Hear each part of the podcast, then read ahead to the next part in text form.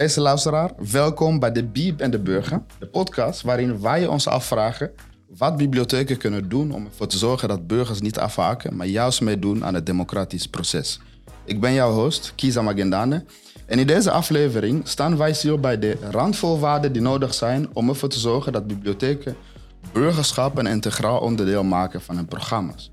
Het is duidelijk dat er geen gebrek aan visie en ambitie vanuit de bibliothekensector is om burgerschap aan de slag te gaan. Maar het is wel de vraag of bibliotheken met voldoende middelen, tijd en kennis toegerust zijn om recht te doen aan deze ambitie.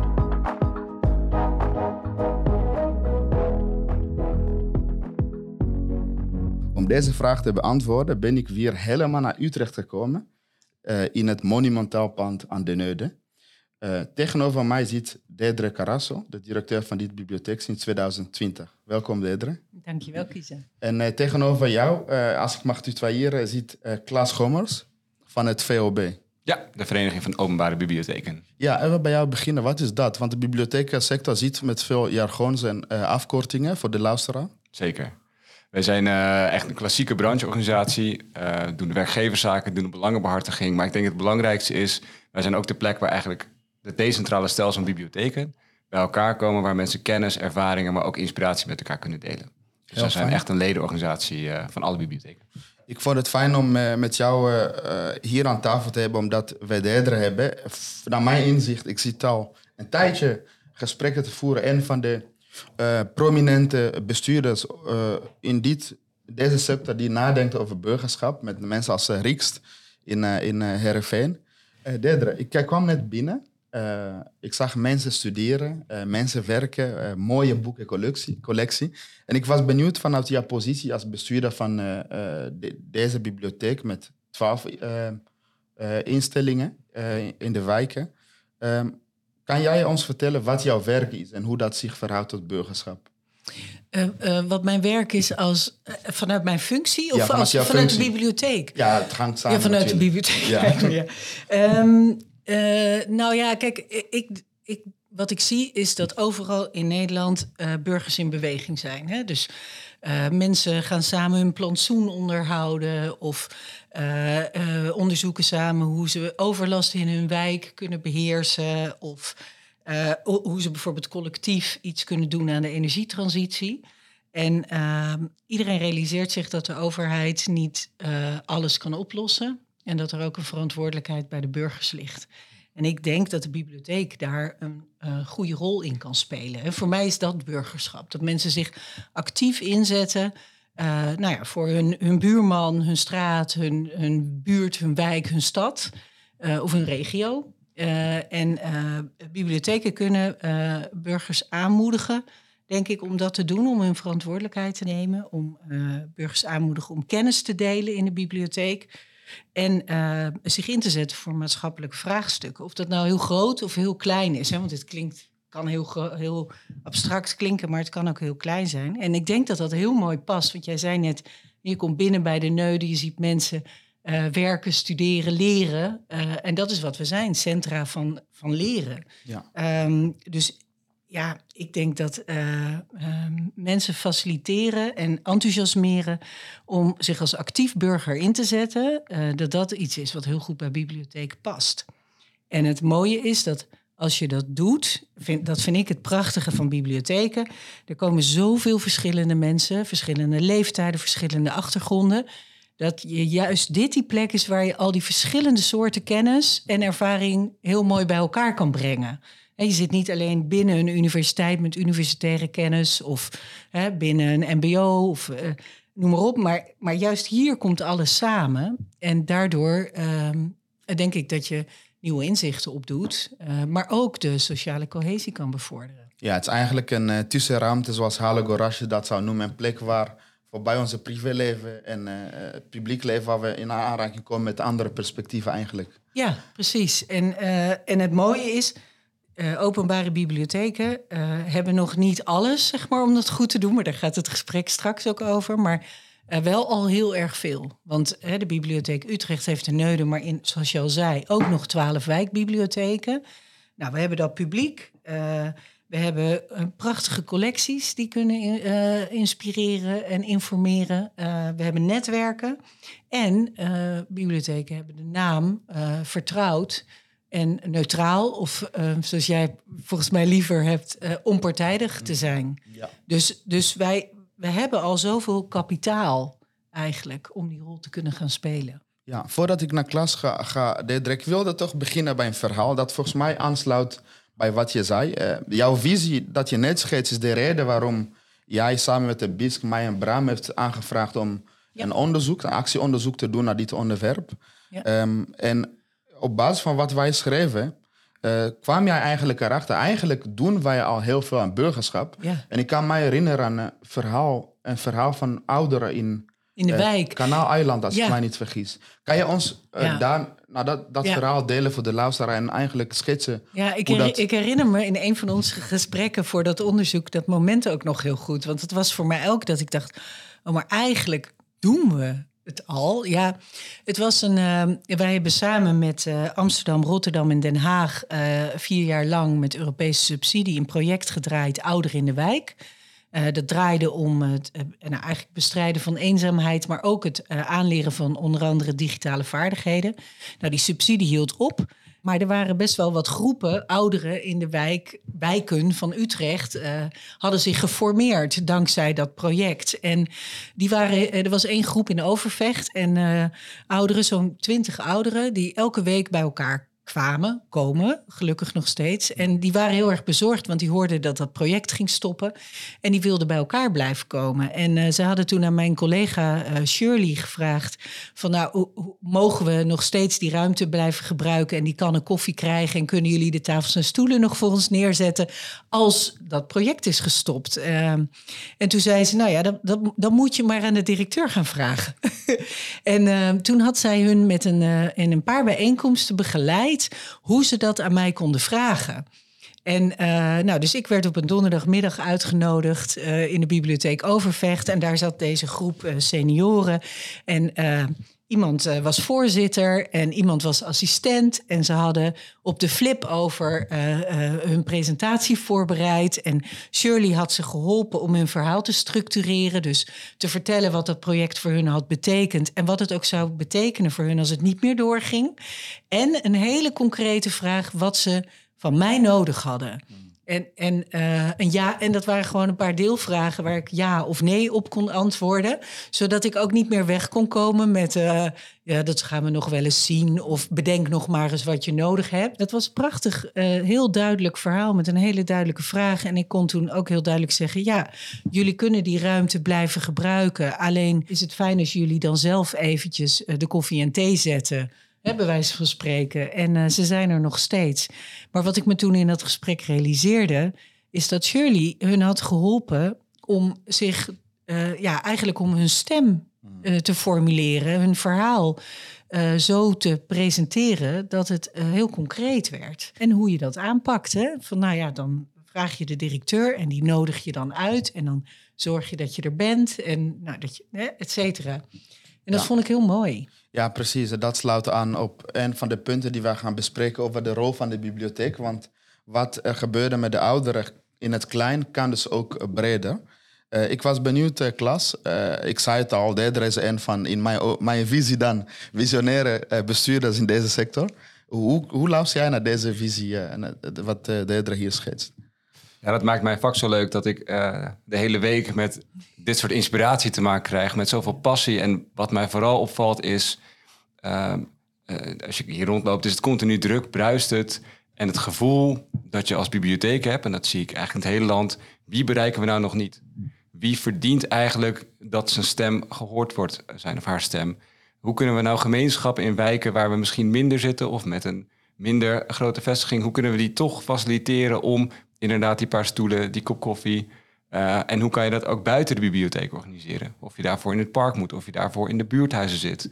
Eh, samenwerking met ziekenhuizen, met woningcorporaties, om echt te zeggen van die, die gemeenschap, hoe kunnen we die nou met elkaar echt ook gunnen wat ze verdienen? En uh, heb jij, eh, kan je ons schetsen, ja, want je noemt het al voorbeelden met ziekenhuizen zelfs. Wat zijn de landelijke trends als het gaat om het onderwerp burgerschap? Ik denk een hele belangrijke trend die je ziet, en dat is ook weer bevestigd in een eh, recent adviesrapport van overheidsraden, uh, elke regio telt. Eigenlijk, wat doet nou zo'n publieke voorziening? Ehm, wat gebeurt er als dat er ook niet is? En daar staat heel mooi beschreven eigenlijk de kleine ontmoetingen die plaatsvinden in openbare bibliotheken, maar ook andere voorzieningen, die wat doen met de veerkracht van gemeenschappen, die wat doen met vrijwilligers die zich uh, gehoord voelen of die mensen die zeggen ik, ik, wil eigenlijk wat gaan betekenen, maar hoe ga ik dat doen? Dus ik zie eigenlijk een enorme trend sowieso al van hoe richt je nou eigenlijk je publieke ruimte in de bibliotheek opnieuw in om die ontmoeting letterlijk meer ruimte te gunnen. Maar ook in programmering en of dat inderdaad de, rondom de Minskip in Friesland zit, het naboorschap uh, in, in Twente en het Oosten, of natuurlijk hier in de Neuden in de stad, hè, waar dus verschillende termen worden gebruikt die eigenlijk hetzelfde zeggen. Namelijk van hoe blijf je elkaar zien, hoe blijf je elkaar ontmoeten en hoe blijf je ook daarin respect voor elkaar hebben. En of dat nou in je collectie zit met verschillende meningen. En of dat nou zit van het ook weer zien. Hè? Van um, op het moment dat er een programmering voor baby's of kinderen is, dat je ook als uh, misschien eenzame ouderen gewoon welkom mag zijn om daar te zitten en je verbonden te voelen met gezinnen. Zonder dat je misschien zelf een kleinkind hebt. Ik vind dat de kleine mooie voorbeelden waarin je echt dat gemeenschapsgevoel een plek geeft. Ja, dus echt focus op ontmoetingen en voorbij verschillen in aanraking komen met anderen. Dat is dus duidelijk een trend dat je landelijk ziet. Ja, en daarbovenop dan het prikkelen van nieuwsgierigheid. Ja. Dus dat je binnenloopt, een plek hebt die van jou voelt, maar vervolgens wel zegt, hey, en of dat nou de krant is, en dat werd met corona denk ik heel erg zichtbaar, dat mensen ook zeiden van, ik, heb, ik kan eindelijk weer, heb ik weer toegang tot nieuws, maar ook het, eh, het eigen, uit je eigen bubbel kunnen stappen. Omdat je, en of dat nou in collectie of programmering zit, of in lezingen, uh, waarop je echt opnieuw wordt gedwongen om na te denken over iets waar je misschien niet bewust van bent. Nee, je merkt ook echt dat het woord niet democratisch burgerschap, maar het woord burgerschap, dat, dat is natuurlijk al veel langer, hè, ook in het onderwijs, in, uh, in het curriculum, maar dat zoomt steeds meer rond. Misschien heb ik een beetje tunnelvisie, omdat ik er zo mee bezig ben. Maar je merkt ook, hè, er zijn ook fondsen zoals het VSB-fonds, dat zich er nu uh, heel duidelijk op richt. En ook andere. En je, komt het echt steeds meer tegen. Dus ik hoop zelf ook heel erg, nu kijk ik eventjes naar Klaas, uh, uh, dat het een plek gaat krijgen in de netwerkagenda van de openbare bibliotheken. Ik heb jonge luisteraars die, die, in de bibliotheken willen werken als doelgroep. wat is het netwerkagenda? Ik bedoel, we hebben het. Ja, dat mag Klaas uitleggen. wat, je, wat je eigenlijk zag is in 2010 begonnen de bezuinigingen. Dat daar werd een groot deel van de sector door graag. Veel vestigingen gesloten, veel personeel moest laten gaan. En toen zag je eigenlijk de discussie, hè, waar, zijn we nou toe, aarde, als bibliotheken? Hè, waarom, waarom, waar, waar zit onze relevantie voor de maatschappelijke opgave? Dat is vervolgens in de bibliotheekconvenant uh, geland met drie opgaven. Geletterde samenleving, participatie in informatiesamenleving en een leven lang ontwikkelen. Daar staat overigens wel al een zinnetje over burgerschap in. Uh, maar de vraag die we natuurlijk vandaag ook hier hebben, hè, wat, wat kan je daar nou nog meer lading aan geven? En vervolgens is de netwerkagenda echt de concrete vertaling van het convenant. Dus wat ga je dan precies doen? Want het is mooi dat je met elkaar streeft naar participatie in informatiesamenleving. Maar wat is, betekent dat morgen in de bibliotheek? En wat ik vind burgerschap zo heel mooi in dat rijtje uh, van geletterdheid, participatie, informatiesamenleving en leven lang leren passen. Omdat het ook gaat over meedoen. En dat is voor, jou belangrijk, de, actief burgerschap, wie je zelf van maakt, als ik het goed begrijp. Ja, ja, ja. het gaat over meedoen. Hè? Net als kunnen lezen, digitaal vaardig kunnen zijn, je blijven ontwikkelen. Maar dus ook nou ja, je stem kunnen formuleren, je kunnen verenigen daarin met elkaar. En, en dat op de juiste manier kunnen laten horen en met anderen over in gesprek gaan. Het gaat allemaal over meedoen. Ja. En ik, ik begreep ook uh, ter voorbereiding uh, van dit gesprek deden dat zo'n begrip als democratische burgerschap kan verwarring uh, zorgen. Wat ja, eigenlijk... Het, het, is zeg maar, het, um, het heeft een soort, ja, je, je, je denkt, in ieder geval ik, maar ik merk het ook bij anderen, je denkt automatisch aan politiek. Mm -hmm. Dus het gaat erom, belangrijk is dat je stemt en, dat je erin verdiept en, en, en, dat je misschien ook politiek actief wordt. En dat is zeker ook een onderdeel daarvan. Uh, maar volgens mij is, is, ja, dus we worstelen allemaal nog een beetje met die woorden. We hebben ook het woord digitaal burgerschap. Dat, dat zit dan weer aan digitale geletterdheid gekoppeld. Democratisch burgerschap, burgerschap, actief burgerschap. We zijn nog een beetje zoekende met z'n allen. Maar voor mij is, en dat is voor mij een voortschrijdend inzicht... ja, werkt het, lijkt het, de, het woord democratisch het een beetje te verengen. Ja, en het sluit aan. Herken je dat of niet? Want jij, Eh. jij bent ook voortschrijdend inzicht na dat onderzoek en nu de podcast. Ja, burgerschap is een neutrale term. Eh, als je actief burgerschap zegt, dan ben je heel duidelijk. Het sluit aan bij wat jij aan het begin vertelde, Dedere, dat mensen in het klein zich willen organiseren. We hebben in onze representatieve democratie natuurlijk al die formele eh, instituten waar verkiezingen een onderdeel daarvan is. Maar dat is natuurlijk beperkt. En eh, je ziet allerlei bewegingen, zoals je dat schetst, van mensen die ja, eh, handen op de mouw willen steken in het klein. Je hebt zelf over deliberatieve democratie. Burgerberaden zijn populair. Dus wat dat betreft denk ik dat in het maken van keuzes... maar ik ben hier om vragen te stellen... dat, dat het ja, wel een handvat zou kunnen... Ja, nuttig zou kunnen zijn voor bibliotheken...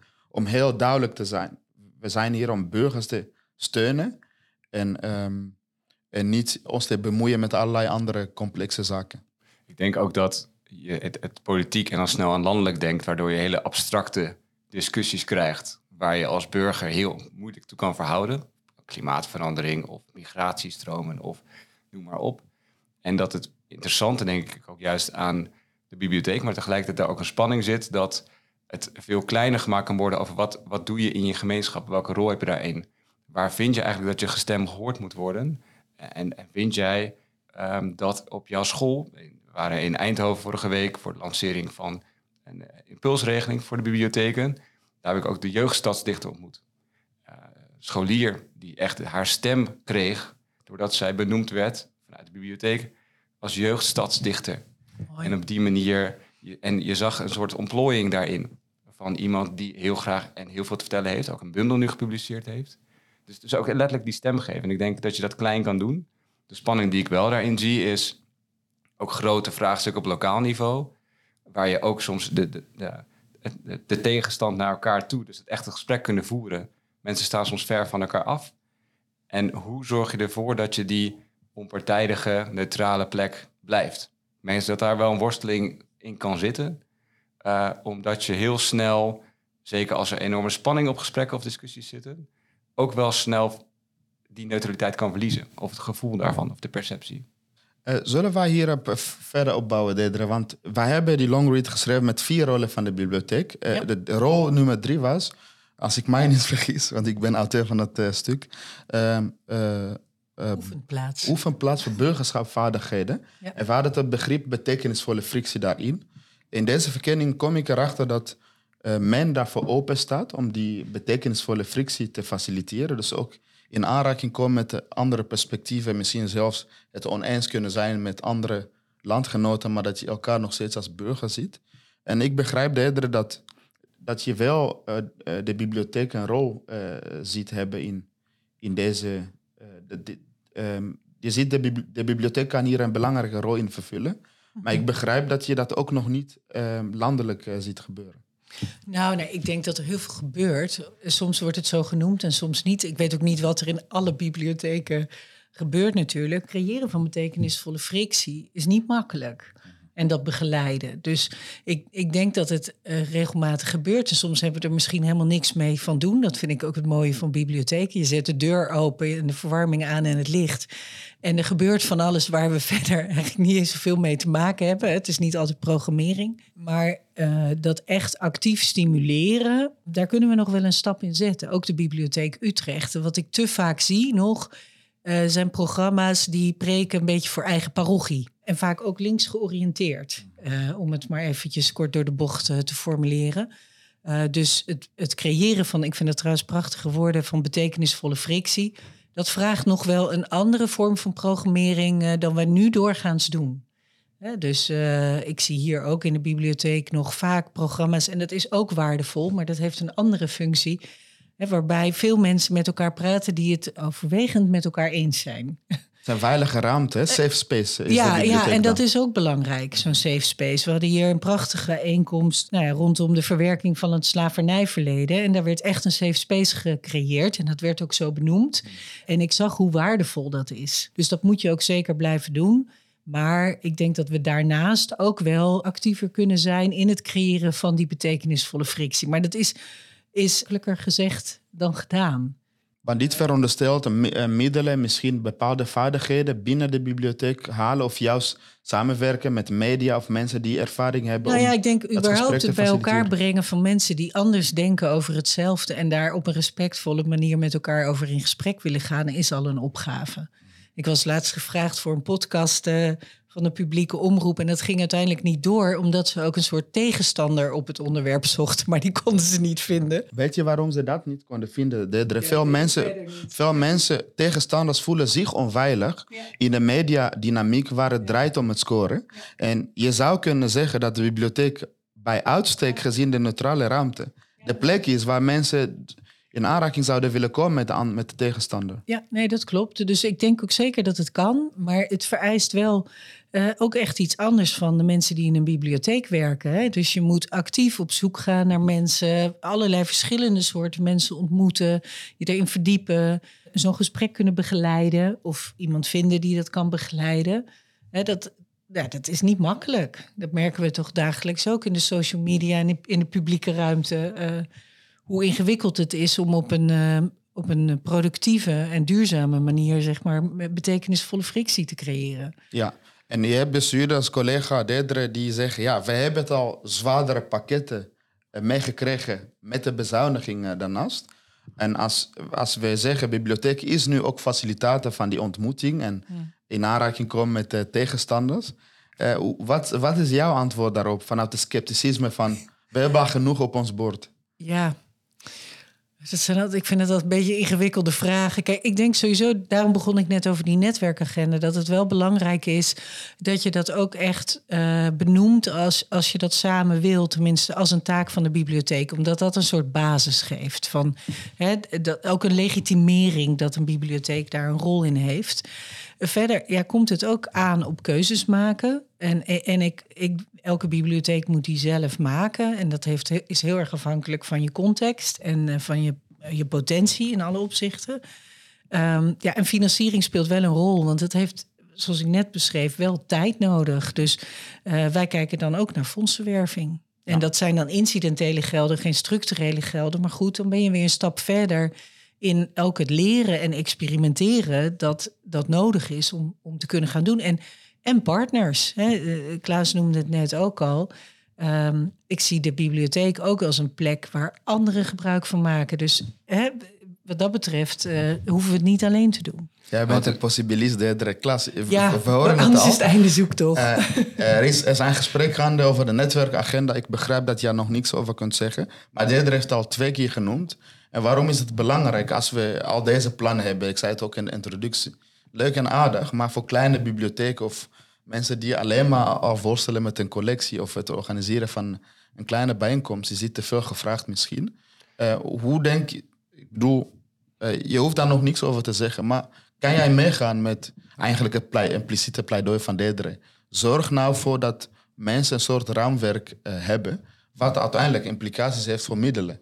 Als mensen die betekenisvolle frictie bibliotheken dat zouden moeten faciliteren. Ja, wat misschien goed is eh, om te zien, de netwerkagenda die er nu ligt, wat, waar heeft dat nu toe geleid? Waarom, en hoe zorgen we met elkaar dat het niet een pak papier wordt? Wat we weer afstoffen en zeggen, oh kijk eens hier, we hebben nu een nieuw stuk papier, dat kunnen we weer in de la stoppen. Wat ik heel gaaf vind om te zien, is dat de afgelopen jaren ook organisaties echt in dat denken van die opgaven zijn veranderd. Dus de, het, het meenemen van collega's. Wat betekent dat dan als dit je opgaven zijn? Wat betekent dat voor je organisatie? Wat betekent dat ook voor je eigen werk? Hoe verhoud je dat toe? En of dat nou collectie, programmering of ook het, het, inrichten van je ruimte. Uh, en daar is denk ik burgerschap een enorm belangrijk thema nu om vooral met elkaar gesprek te voeren. Wat verstaan we daar dan precies onder? Om wel te zorgen dat je dan ook dat handelingsperspectief biedt. Op het moment dat je het opneemt in het convenant en netwerkagenda, kan je dan vervolgens diezelfde proces zien. Dat mensen het ook echt internaliseren in de organisatie. En ik denk een hele belangrijke erbij is, en dat zie ik heel mooi terugkomen in de maatschappelijke opgaven die nu liggen. Hoe verbinden die zich ook met de waarden die in de bibliotheekwet staan, met de functies van de bibliotheek, als informatiespecialist, als hè, het überhaupt mensen die mee kunnen doen. Ook in collectie natuurlijk, hè, die betekenisvolle frictie. Als ik naar mezelf kijk, waar heb ik nou niet het meest in mijn leven gezien, blijft dat toch ook in literatuur. Waarin je gewoon 300 pagina's ehm, soms met iemand die, waar je totaal niet mee eens bent, wel daarin meegenomen wordt in iemand anders wereldspeel. Dus ik denk dat het daarin, dus komt het in het convenant of niet? Bibliotheken hebben al voldoende middelen om die frictie, betekenisvolle frictie te faciliteren, zeg je. Het zit in het DNA. Ehm, en de middelen is denk ik, wat ik daar vooral in zie, is hoe, eh, en daarom die link, hè, wat zie ik nu met die netwerkagenda gebeuren, hoe zorg je nou voor dat je echt tot een meerjarige visie erop komt? En niet alleen op een papier, maar echt in je organisatie zelf. Dus we hebben taal nodig. En ik begreep uh, het gaat ook om een houding van de bibliotheek. Ja, nou ja, en, en, en wat ik ook wel eerder zei, want Klaas net ook zei, er ligt al heel erg veel. Uh, maar dat activeren, ja, daar, en ik denk dat we daar ook nog heel erg lerend in zijn en moeten experimenteren. En dat geldt niet alleen voor ons, hè, dat geldt voor de hele maatschappij. Je ziet dat iedereen aan het zoeken is. Hè. Neem het burgerberaad als voorbeeld. Uh, er ontstaan allerlei vormen. Dus iedereen is een beetje zoekende van nou hoe gaan we verder vanaf hier uh, in deze maatschappij. Hè, met vraagstukken waar we voor staan en nou ja, alle maatschappelijke ontwikkelingen. En als je dan kijkt naar middelen waar je. Het heeft best lang geduurd om ook de, de, vooral de beleidsmakers en iedereen in de samenleving te overtuigen. We hebben echt een blijvend vraagstuk als het gaat over meedoen in de informatiesamenleving, digitale vaardigheden. Nu komen weer nieuwe rapporten rondom leesvaardigheid. Misschien dat wij met elkaar straks overtuigd zijn. We zien dat hier de opgave ligt en dat bibliotheken een actieve rol in hebben. Ik denk zelf overigens van wel. Um, maar dan is vervolgens ook gesprek, hoe ga je nou al jouw uh, partners daarin, in de stad, in de gemeente, de gemeente zelf, de provincie, het Rijk, niet alleen overtuigen dat de opgave ligt, maar ook dat die bibliotheek daarin een hele actieve rol kan spelen. En eigenlijk als je die handvatten hebt, dan is eigenlijk dat vraagstuk over middelen alweer blijft belangrijk. Maar dan is het veel meer de vraag, wat kunnen we wel? In plaats van dat het is, wat hebben we nu niet om het te kunnen doen? En hoe kan je daarin bouwen? Waarom is het nu niet vanzelfsprekend om die samenwerking te faciliteren tussen om partnerschappen te sluiten? Wat je enorm ziet is uh, echt capaciteitsprobleem. En dat is uh, in de bibliotheekorganisatie zelf, uh, die echt aan het, eh, die versterkt nu gaan worden. Dat zie je ook overigens in um, gemeenteland, maar ook bij andere partners. Je moet, je moet tijd voor hebben en dat is deels eh, praktische agenda, maar dat is ook veel meer in alle zaken die je moet doen, moet je dit urgent maken. Dus je moet dit bovenaan je eigen agenda kunnen zetten. En op het moment dat er zoveel vraagstukken op je bord liggen, mhm. eh, is dat ingewikkeld. Ik werk sinds eh, ruim twee jaar in een bibliotheek. Ik werk hiervoor in musea en archieven. En wat ik wel echt heel mooi vind aan die sector, en uh, dat is een soort diesel.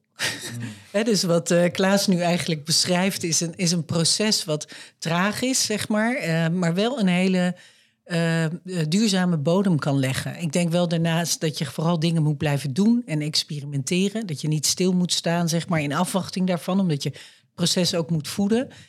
Maar die bibliotheken, dat zijn gewoon diesels. Mm. En, en, en, en verankeren dat gewoon echt heel duidelijk. Dat vind ik echt heel knap. Daar kunnen andere sectoren ook echt iets van leren. Diesel, is dat, uh, dat, soort olie? Dat, nou ja, ze komen, ze komen wat traag op gang. is, dat is mijn interpretatie van een diesel. Ik weet niet of dat eigenlijk wel klopt, maar goed. Ze komen wat traag op gang, maar ze zijn niet te stoppen. Ja, mooi. En uh, een van de, uh, jullie hebben het net ook benoemd, dat actieve burgerschappen, of we hebben een taal nodig of een handvat om bibliotheek te begeleiden. Uh, en de, de, vierde rol van die long read ging over steunen van zelforganisatie. Steunen en begeleiden van zelforganisaties. derde, ik denk dat je het al ook al noemde. Um, vanuit Utrecht, hoe zie jij die rol voor je? Dat je, we begonnen met een voorbeeld van ouderen dat mensen in het klein die met allerlei zaken bezig zijn, dat de bibliotheek daarin een rol kan spelen. Ja, nou dat voorbeeld was denk ik een soort combinatie van die twee rollen, hè, van oefenplaats en, en gids in uh, ondersteuning van zelforganisatie. Maar dat is iets wat wij nu moeten gaan uitvogelen. En wat staat bij ons nog in het begin. Uh, en ik kan me er van alles bij voorstellen. Het kan zijn dat je uh, je collectie daarop voor inzet. Als je nu bij de bibliotheek binnenkomt, dan, dan uh, staat bij wijze van spreken alles op thema en alfabet. Maar we hebben niet een thema burgerschap of zelforganisatie. Dus je kan het natuurlijk ook veel zichtbaarder maken met je collectie. Uh, maar het kan ook gaan omdat je, dat je mensen daarin advies gaat geven. Of dat je burgers die daar al ervaring in hebben uitnodigt om die met elkaar te delen in een bibliotheek. Dus er zijn allerlei manieren om dat te gaan doen. Maar dat staat bij ons nog wel in de kinderschoenen. Maar we willen daar zeker mee aan de slag. Je ziet internationaal zie je de community librarian als term oppoppen. Ik ben nog op zoek ook naar een, een goede Nederlandse term die dat ook op, vat. Opbouwen bibliotheek, zou ik zeggen. Ja, maar het is ook wel echt het, het, het hoe activeer je de gemeenschap? Dus op welke manier, en dat is, dat is beren ingewikkeld. Als je vanuit je bibliotheek op pad gaat, je klopt aan bij al die partners in de, in de stad of in de gemeente. Wil je met mij meedoen? Dan gaan ze eerst naar je kijken, goh, wat, hè, die biep. Oh, wat doen jullie eigenlijk dan hierop? Waarom zouden we überhaupt moeten samenwerken? Nou ja, we doen wel heel veel met individuele burgers ook. Hè? Dus wij hebben een programma waarin we eigenlijk uh, Utrechters vragen om kennis met elkaar te delen. En dat koppelen we nog niet direct aan uh, collectief vorm van zelforganisatie, maar het is natuurlijk ook burgerschap. Uh, en uh, dat kan gaan om een lerares Nederlands die hier scholieren helpt met het verbeteren van hun taal in hun scriptie. Uh, maar we hadden hier ook een moeder en dochter die een filmfestival wilden gaan organiseren uh, uh, rondom queer. Die dochter die was uit de kast gekomen, maar had er last van dat de meeste boeken en films een wat negatief, zwaar, zwaarmoedig beeld schetsten. En die hadden een verzameling van films en boeken gemaakt die juist empowerden. En dat wilden ze gaan delen met de leeftijdsgenoten. En dat is natuurlijk ook. Dus dat soort dingen doen we. Um, maar we, we benoemen het nog niet zo. Dus wij zitten er zelf in de bibliotheek te denken. We, we hadden twee thema's hier benoemd. Democratisch burgerschap, ook naar aanleiding hè, van het onderzoek dat we samen deden. En uh, Utrechters delen kennis. En eigenlijk kom ik nu tot, komen we nu tot de ontdekking dat dat hetzelfde is. Mm. Uh, en denken we daarover om dat uh, onder de noemer burgerschap te gaan scharen. En het begrip community librarian, sommige bibliotheken hebben dan zo iemand in dienst. Uh, en ik begrijp van jou dat het eigenlijk uh, niet gaat om één persoon, maar dat eigenlijk in iedereen een community librarian zou moeten zijn. Ja, wat mij betreft uh, werkt het pas echt. en ik heb daar hiervoor ook ervaring mee opgedaan in het Stedelijk Museum Schiedam, waar ik werkte. Uh, als het echt in je DNA zit. Dus uh, wij kijken nu ook van we zijn projecten aan het opzetten, hoe we samen kunnen collectioneren, hoe je samen je bibliotheek inricht, hoe je zelfs op het gebied van marketing samen kan werven. We een campagne om alle kinderen lid te maken van de BIEB. En dan vragen we burgers om uh, bij spreken een poster, of dat hebben ze gedaan, een poster achter een raam te hangen, bel hier aan als je lid wil worden. Hè? Dus maak de kinderen in je straat even lid van de BIEB. Um, dus het kan op heel veel vlakken. En ik denk niet dat je alles op die manier moet doen, want dan word je knettergek in de stad ook. Um, maar ik denk wel dat het iets is wat gewoon uh, ja, eigenlijk als een, een werkwijze en, en een vanzelfsprekendheid door je hele organisatie uh, moet lopen. En ik denk, eh, en, en dus in je organisatie, maar ook wat ik heel gaaf om te zien, de, alle vrijwilligers die in de bibliotheeksector werken, die ook die ambassadeursrol, ja. die ook zelf juist zeggen, joh, je moet dit in de bibliotheek eens gaan doen. En dat je eigenlijk wil dat ja, straks je, hele wijken en je hele dorpen zeggen van wat, wat gaan wij met de bibliotheek doen en aankloppen bij je met vragen, mogen wij dit hier doen? Of zeggen, ik voel me geëigend om die sleutel. En het gebeurt al veel hè, in heel Nederland. En dat, ik vind dat heel mooi om te zien, ook nieuw in de bibliotheeksector, hoe mensen zich eigenaar voelen van een bibliotheek. Ik bedoel, als een museum kregen we voorstellen voor tentoonstellingen. En die werden lang niet allemaal gehonoreerd. Het gebeurt hier in de bibliotheek ook. Maar als het niet wordt gehonoreerd, gaat er al snel een brief naar de burgemeester. Van waarom mag ik in mijn bibliotheek geen tentoonstelling maken? Dus hè, dat, het, wordt al heel erg uh, ja, als gedeeld eigendom gezien. En dat past dus ook bij het karakter van de bibliotheek. Het gaat ook over delen. Delen van ruimte, delen van boeken, hè, delen van kennis. Uh, mag de bibliotheek in dit proces zich wat activistischer opstellen? In de, in de, we hebben het over community en uh, met gemeenschap bezig zijn. Mensen in een kwetsbare positie die misschien zich door de overheid in de steken gelaten voelt. Um, ik denk aan bijvoorbeeld, ja, misschien een extreem voorbeeld, uh, de toeslagenaffaire, slachtoffers of mensen die het idee hebben dat ja, er te veel migranten in, in de wijk komen. Zou de bibliotheek met dit soort maatschappelijke opgaven zich nadrukkelijker in, in het, niet zozeer als een standpunt nemen, maar misschien het faciliteren en het stem geven van, van mensen. Ja, dat laatste vind ik heel belangrijk. Geen standpunt innemen. Mm Ja, en ik denk ook dat bibliotheken daar al extra aandacht voor hebben. Kijk, kijk naar die onderdelen van die netwerkagenda. Daar ligt ook een nadruk op. Hè, mensen die wat extra aandacht nodig hebben, om zo maar te zeggen. Tegelijkertijd denk ik dat de bibliotheek van iedereen is. Dus dat het juist ontzettend belangrijk is uh, dat je al die verschillende mensen in de stad bij elkaar brengt. En dat uh, iedereen zich ook um, uh, thuis blijft voelen in de bibliotheek. -hmm. Dus dat, dat is wel een, een, een, belangrijke balans die je denk ik moet behouden daarbij. Ja, wat ik wel zie is dat de sector heel erg geneigd is om heel erg oplossingsgericht te denken. Dus wij er zien een, we constateren een probleem in de samenleving. Mensen kunnen een brief niet goed begrijpen. Uh, mensen hebben thuis geen warme plek, kunnen terecht in de bibliotheek. Enorm ondersteunend en faciliterend aan de gemeenschap. Ik voel wel meer ruimte om te zeggen, moet je niet activistisch zijn naar overheid, maar ook publieke en private organisaties om te zeggen, je hebt een verantwoordelijkheid om met ons aan die opgaves te werken. Mm. Uh, als iemand niet geletterd is, is het niet een vraagstuk van de school en de bibliotheek om iemand maar geletterd te maken. Mm. Je moet ook heel bewust naar jezelf kijken als organisatie. Wat doe ik om ook, en dat raakt eigenlijk ook weer aan burgerschap, mm. om wel partijen aan te spreken op het moment dat jij zegt, we zitten hier in het oude postkantoor. Vorig jaar hebben wij ook PostNL aangesproken van jullie digitaliseren het niet thuisbriefje. Ben je bewust wat dat doet? Heb je nagedacht over de consequenties daarvan? Dat is misschien iets heel erg kleins, maar het is wel, uh, je bent wel in staat, denk ik, om de stem van je gemeenschap naar voren te brengen. Zonder een standpunt in te nemen. Ja. Maar wel door te zeggen, pak je verantwoordelijkheid om met ons te werken aan die opgaves. Nou ja, en daarop voort associërend, maar misschien drijven we te ver af, maar ik vind het wel een belangrijk punt. Het mooie van burgerschap vind ik ook dat je mensen aanspreekt op hun kracht. Hmm. dus dat, dat, was even de associatie. En we zijn uh, heel zwart-wit gezegd, maar als bibliotheek kijken we ook vaak van wat iemand niet kan hmm. en hoe kunnen we daarbij ondersteunen. Uh, maar het mooie van burgerschap is, misschien kan je niet lezen, maar kan je wel als actief burger inzetten voor iets. Dus uh, dat vind ik ook het mooie ervan. Dat het ook gaat over de kracht van mensen. Ja, en het sluit aan bij wat aan het begin werd gezegd. Ja, ik weet niet wie dat zei. Het ging over veerbaarheid of veerkracht had jij het over klas. En we hebben in het debat over tegenmacht. En tegenmacht wordt het beste georganiseerd op lokaal niveau. In de afgelopen jaren klas is er extreem bezuinigd bijvoorbeeld op uh, ja, sowieso lokaal, maar ook in de bibliotheek. Wat mij opvalt is dat het denken over bibliotheek nog steeds we denken, we hebben nu allemaal maatschappelijke opgaven die raken alle thema's. Maar de bibliotheek wordt nog steeds vanuit een culturele sector gezien of vanuit culturele potjes uh, gefinancierd.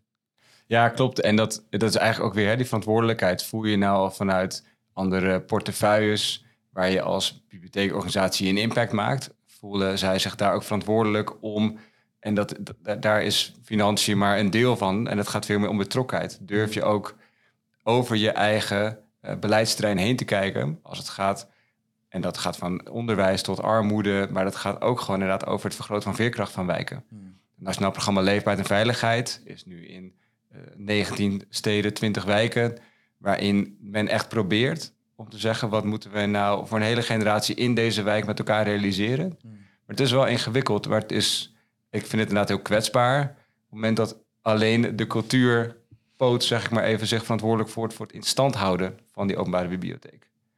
En waar ik naartoe ga, en dat uh, zei heel mooi, de stad en de uh, dorp voelt zich eigenaar van de biep. Ik nodig ook uit alle overheden om zich echt eigenaar te voelen van die biek als, als onmisbaar essentiële voorziening die we hebben. En daar heel zuinig op te zijn. En gelukkig, die keerzijde is enorm. De staatssecretaris uh, ben ik, blijf ik enorm van de indruk hoe mooi zij verwoordt wat die rol en het belang van de openbare bibliotheek is. Als kathedralen van kennis, maar ook echt die, die, nou, die kleine ontmoetingen. Hoe belangrijk dat is. En, maar dit veronderstelt, want eh, ondanks de herwaardering is tot nu toe onvoldoende uh, financiering vergeleken met tien jaar geleden. maar dit veronderstelt misschien naar jou kijken, Dedere, dat we misschien de bibliotheek inderdaad veel meer voorbij de culturele sector moeten kijken. Zou je daar mee eens zijn? Ja, nou kijk, eh, de Bibliotheek Utrecht wordt gefinancierd door de afdeling onderwijs uh, van, uh, uit de een hele begroting natuurlijk. Maar dus, en, en volgens mij zie je bij meer bibliotheken wel een beweging die richting op. Maar ja, ik weet niet of het uitmaakt per definitie bij welk. Ik voel me thuis bij onderwijs hoor, daar niet van. Maar uh, bij welke afdeling je zit. De opgave is denk ik vooral om beleidsmatig, integraal te werken. En dat is waar, waar uh, overheden natuurlijk zelf ook uh, zoekende in zijn hoe je dat voor elkaar krijgt. En niet alleen overheden. Dus eh, het is hè, ook als je bij een afdeling welzijn zit, of bij een afdeling onderwijs, of bij een afdeling cultuur, die vraag blijft overeind. Want je zoekt ook dan de link met het culturele veld of met het welzijnsveld, nou, et cetera. Ja. En dit is ook misschien een brug naar mijn laatste vraag over geld. Dat is eigenlijk waarom ik jullie wilde spreken. Uh, het komt uiteindelijk op geld. Het blijkt ook uit het hele gesprek. Het zijn leuke plannen, maar uiteindelijk heb je mensen en een capaciteit nodig. Hebben wij op basis van de huidige financieringsstructuur, uh, misschien naar jou kijken, voldoende middelen? Heb je vertrouwen als je misschien tien mensen zou willen aannemen de komende vijf jaar die hier aan de slag gaan? Of zou jij eerder kijken naar wat je noemde alternatieve bronnen van financiering? Het is een combinatie. Uh, wij hebben in onze organisatiestructuur de keuze gemaakt om iets van capaciteit vrij te maken voor dit thema. Maar daarbij zijn we ook plannen aan het ontwikkelen waarmee we kijken naar een derde geldstroom. Dus uh, fondsenwerving. Dus het is een combinatie uh, van zaken. En ook, samenwerkingen opzoeken. Is dit ook meteen ook een advies aan andere collega's, bestuurders, om die misschien denken van ja, dit is te veel gevraagd? Van het is een kwestie van keuzes maken? Ja, ook. Ja, weet je, ik, ik wil niet pretenderen dat het makkelijk is hè, om, om nieuwe thema's en werkwijzen, et cetera, van de grond te krijgen. Maar je moet ergens beginnen. En eh, ik vind zelf uh, het informatiepunt digitale overheid een mooi voorbeeld. Daar kregen de bibliotheken wel iets van financiering voor, maar het was absoluut niet toereikend. Uh, en inmiddels is dat wel voor elkaar gebokst door die diesel. Kijk, je weet niet hoe, je moet ergens beginnen. Uh, dus ik wil, ik wil het, niet, uh, het probleem niet kleiner maken of zo. Maar ja, ik, ik geloof ook wel, ga aan de slag. Ga ontdekken of het iets is wat je kan, wat bij je past, of een vraag naar is. Uh, ja, je moet ergens beginnen. En zoals ik zei, je hebt heel veel. Hè? Je hebt ruimte, je hebt ja. collectie, je hebt al medewerkers, je hebt bezoekers. Er is al heel erg veel. Dus het gaat ook niet alleen maar om het geld als we dit willen realiseren. Nee, maar je hebt natuurlijk wel tijd nodig. En ik denk belangrijk ook, wat net aangestipt werd, hè, de professionalisering van medewerkers hierin, het meenemen erin, of het belang van scholing. Uh, ook vanuit de VOB hebben we daar hè, met een brancheopleiding weer op dat dat echt ook gezamenlijk veel meer is. Kan je dan ook verschillende opleidingsaanbod wat er is. En wat ik wel zie is een enorme hoeveelheid incidenteel geld versus structureel geld. Waarop het wel lastiger wordt om langetermijn plannen te maken. En om ook bijvoorbeeld met onderwijs, uh, we zijn ook nu hard in gesprek en dat lijkt ook positief om te kijken, kan je nou niet ook structureel kijken naar een financieringsstroom voor samenwerking met onderwijs en dat ook in de wet laten borgen, om op die manier ook juist met onderwijspartners waar het toch begint, uh, het belang van burgerschap daarin ook vanaf jongs af aan mee te nemen in programmering in samenwerking. Maar dat vraagt wel inderdaad, en daar, daar zie ik een enorm spanningsveld, en die snap ik ook, dat je moet wel een dedicated mensen kunnen aannemen en die perspectief kunnen bieden. Zeker ook in de krappe arbeidsmarkt die we nu hebben.